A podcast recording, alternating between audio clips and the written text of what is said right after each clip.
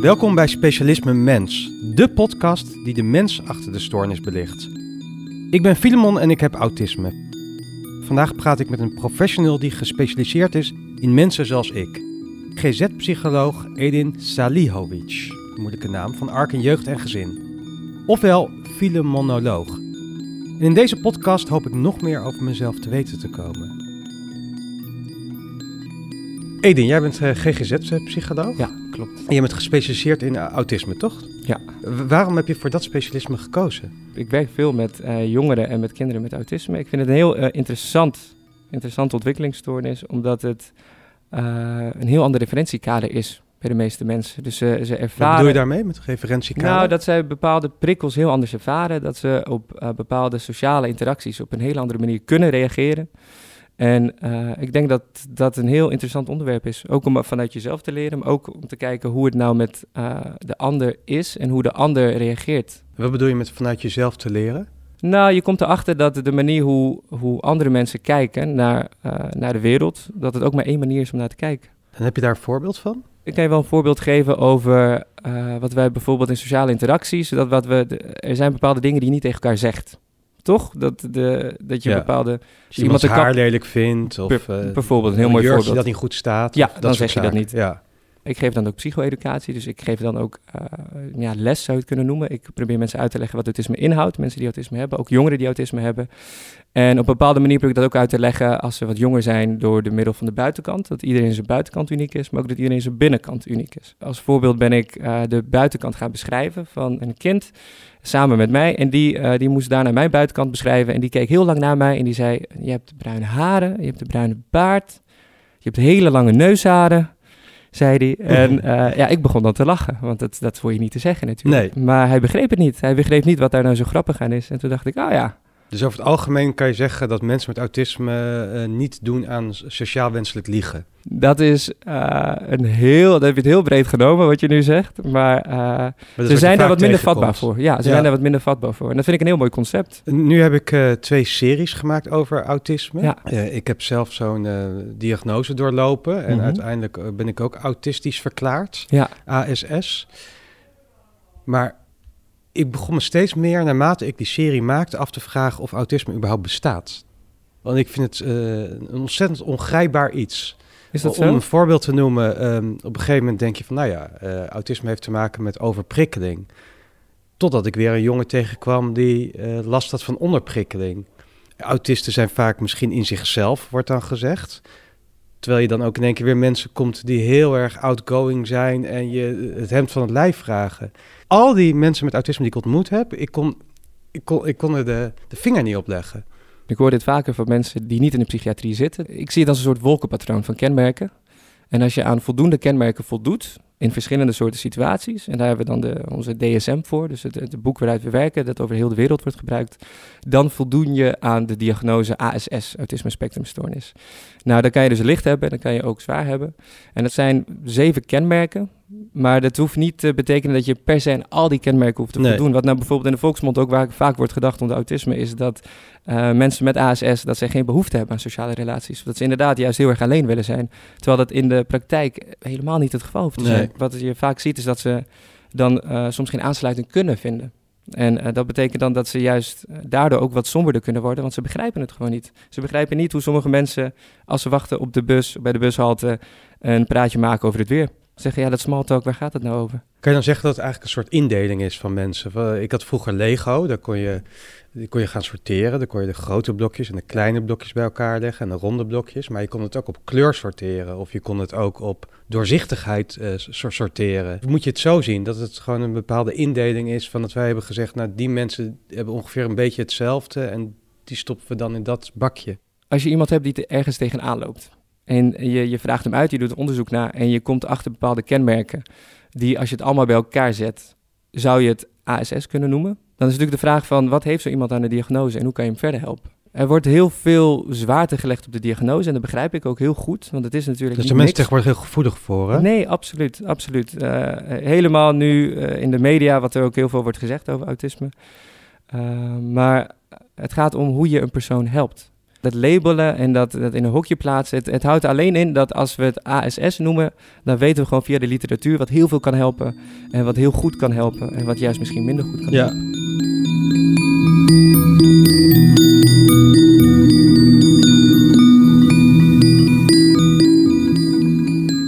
Wat, wat betekent autisme voor jou? Ja, ik ben daar dus. eh,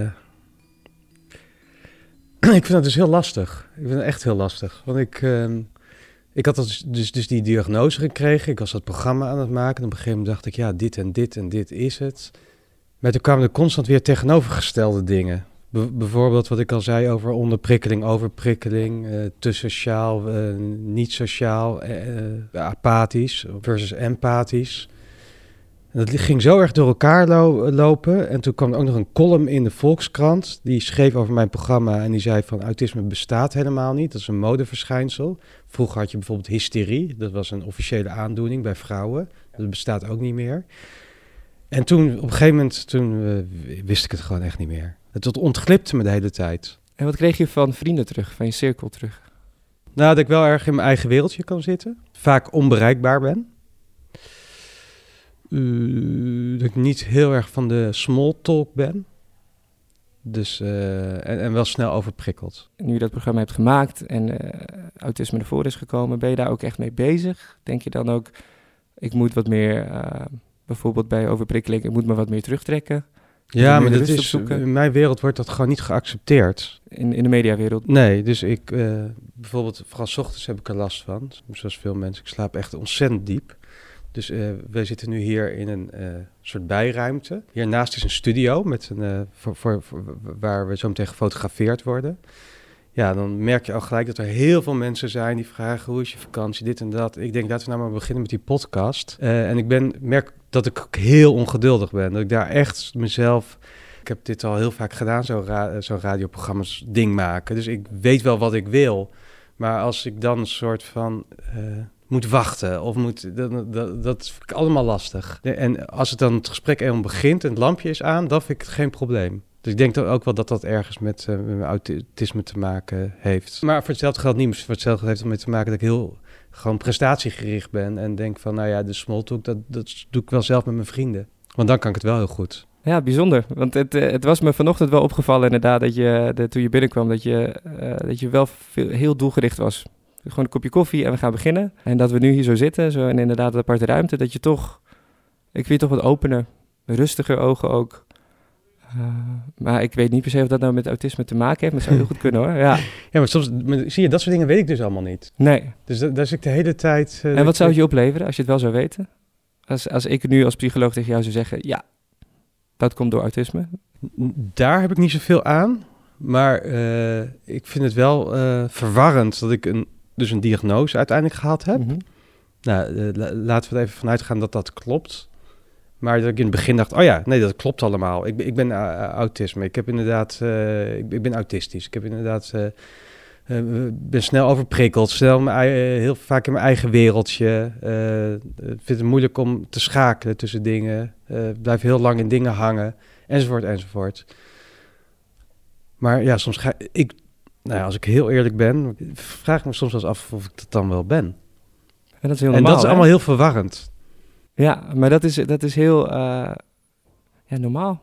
Ja. Dat je daar, daar vragen bij stelt en dat je daar zelf over nadenkt en dat je daar ook mee zit. Want eh, krijg jij psycho-educatie, of heb je dat gehad aan de hand van het programma? Of dat je met een psycholoog of... Ja, maar, maar, eh, en ik heb met verschillende psychologen gezeten. Maar ik merkte toch dat die psychologen maar op een gegeven moment naar de mond gingen praten. En dat het, eh, dat dan ook niet echt loskwam, zeg maar. Dat het niet tot de kern van de zaak kwam. Nee. En wat is de kern van de zaak? Ja, dat is een moeilijke vraag. Om- omdat je die kern toch zelf ook niet weet. Dat is eigenlijk ook waarom je misschien wel naar een psycholoog gaat. Ja, ja vaak wel. Om juist die, die kern te onderzoeken, ja. Ja. Ja, ik merk dat ik mezelf bescherm. En dat die psycholoog dan denkt, oh, ik zit heel dicht bij jou. Terwijl ik denk van, oh ja, ik, ik ben... Je bent er nog totaal niet. Of... Nee. En dan moeten ze het heel hard doorheen beuken en dat doen ze dan niet. Dat zou je liever willen zien, hè? Als ik je zo, als ik je zo hoor. Dat iemand toch wat meer of wat directer is. Ja, omdat ik zoveel uh, afweersystemen heb en uh, ik denk verbaal ook wel. Ik heb wel een redelijke woordenschat. Ik kan me wel goed beargumenteren. Dus dan beargumenteer ik al mijn gedrag en zeg: Oh, nou, dat ziet er goed uit, meneer Westelijk. Volgens mij is een, een vol volgens consult niet nodig.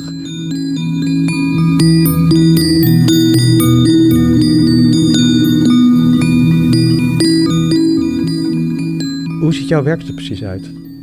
Uh, ja, mijn werkdag verschilt heel erg. we zitten op een specialistisch GGZ.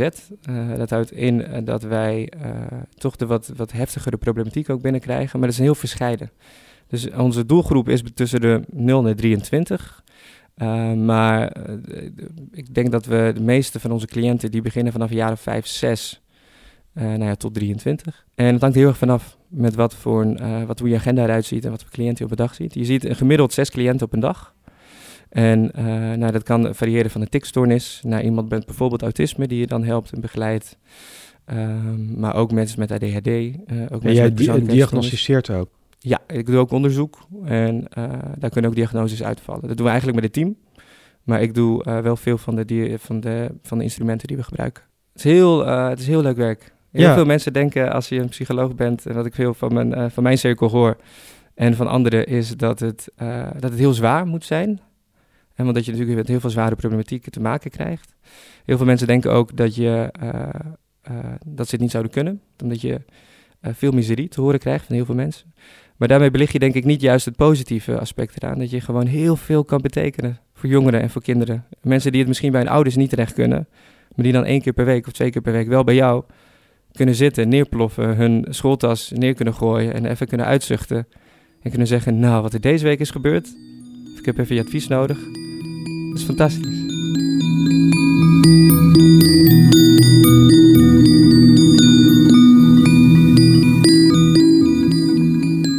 Ik ben heel uh, benieuwd. Je, je, je gaf aan uh, dat je inderdaad een tv-programma hebt gemaakt over autisme. En dat het uiteindelijk de diagnose wel uit is gekomen. Heb jij daarvoor nog hulpverlening gehad? Nee. Helemaal niet? Nooit. En ja, jij hebt dan ook niet op het basisschooltijd of je middelbare schooltijd tegen bepaalde dingen aangelopen? Dat je afvraagt van, ben ik nou zo anders dan de rest? Als kind uh, zei ik nooit iets, maar dat was uh, tijdens de kleutertijd zo. Ja, ik was gewoon altijd stil, dus dat vond mijn moeder eigenlijk wel opvallend. Van ja, waarom praat mijn kind niet, terwijl andere kinderen wel praten? Het heeft wel eens gedacht aan autisme, maar ja, ze had niet echt per se een reden om daar iets mee te doen. En toen ben ik op school, ehm, ik, had, ik was best wel bij de hand. Dus mijn spraak was altijd wel goed kon wel goed uh, reden voeren. ik had ook wel humor. En ook wel ego. Dus uh, ik kon me altijd wel redden, zeg maar. In, uh, in, ik merkte wel dat ik niet de meest sociale persoon was. Dat als iemand een probleem zat, dat ze dan niet zozeer naar mij toe kwamen, maar dat ze dat meer bij andere mensen deden. Vond je dat ook fijn? Nee, dat vond ik altijd wel jammer. Want? Je had natuurlijk van die mannen, die waren dan heel empathisch. Dat voelde je wel aan alles. Maar die hadden dan ook alle meisjes altijd. Is dat zo? En toen dacht ik, waarom komen die vrouwen niet bij mij met al hun problemen? Dat is later wel bijgetrokken. Op een gegeven moment, eh, ja, uh, hoe je moet luisteren, welke vragen je moet stellen, dat leer je natuurlijk uh, in, in, je leven. Maar dat, uh, dat, dat, was wel lastig, maar ik heb me wel altijd kunnen redden. Uh, veel mensen die ik gesproken hebben met ASS, die, die hadden, hebben allemaal ja, heel vaak een pestverleden. Of dat ze echt niet in de groep zaten, of dat ze niet mee konden komen. Dat heb ik nooit gehad. De psychiater die, die wijde dat aan, mijn, aan de narcistische trekken die ik ook heb. Een soort redding voor mij geweest. Een soort copinggedrag. Ja. En toen heb ik die, die diagnose gedaan en toen heb ik nog daarna gevraagd van, ja god, um, wat, wat kan ik hier nu mee? Wat moet ik hier nu mee? Ja, en toen boden ze aan om, uh, dat ik in met mijn vriendin in een praatgroep kon gaan zitten. Maar dat voelt als, uh, als bekend iemand voelt dat te kwetsbaar om met andere mensen, ook omdat dat, ehm, ik zeg niet dat het een heel groot probleem is, maar dat komt er wel altijd, dat, dat, die bekendheid komt wel altijd om de hoek kijken met alles. Want ik ben in de loop der tijd ook wel echt uh, uh, meer in mezelf geraakt en meer afschermend en minder Hoe bekender je werd, bedoel je? Of hoe bekender ik werd, ja. Om, ja, het is toch een soort zelfbescherming. Dus nu doe ik eigenlijk, eigenlijk niks meer mee. Nee, maar als het nu goed gaat, dan gaat het goed, toch? Ja, ja. Die zin, nou ja, ik loop nog wel tegen dingen aan, maar ik denk dan altijd wie niet. Als ik jou zo hoor, en, uh, gedurende dit gesprek, dan heb ik het gevoel dat jij heel, uh, heel bekwaam dingen hebt opgepakt. Dat je heel bewust bezig bent met wat gebeurt er, wat kan ik doen en hoe kan ik mezelf hierin redden. Dat je er niet snel de handdoek in de ring zou gooien als ze denken van, oh ja, maar nu ben ik overprikkeld, klaar. Nee, nee, dat doe ik niet. Nee. Nee. En ik heb ook altijd wel de, de regie over mijn eigen leven gevoerd. Jezelf te... nou, controle is ook um, gelijk weer zo'n... zo'n- Maar het klopt wel, zo- toch? zo- Zo'n woord, maar wel, ja. Er, er- ergens wel, ja. Ja. en als je die teugels in je handen hebt, dan eh, ja. Interessant. Leuk werk. Ja. Ja. Ik vond het heel leuk. Ik kan uren met jou ook praten. Dus Ja. ik vond het heel eh, jammer dat het nu moet ophouden. Ja, en alles komt een einde. Dat is ook zeker waar. Ja, Bedankt voor, eh, voor alle informatie. zeker. Bedankt voor het gesprek. Dit was Specialisme Mens. Ben jij ook een GZ-professional die de mens achter de stoornis ziet? Solliciteer dan meteen bij Arkin op werken bij arkin.nl.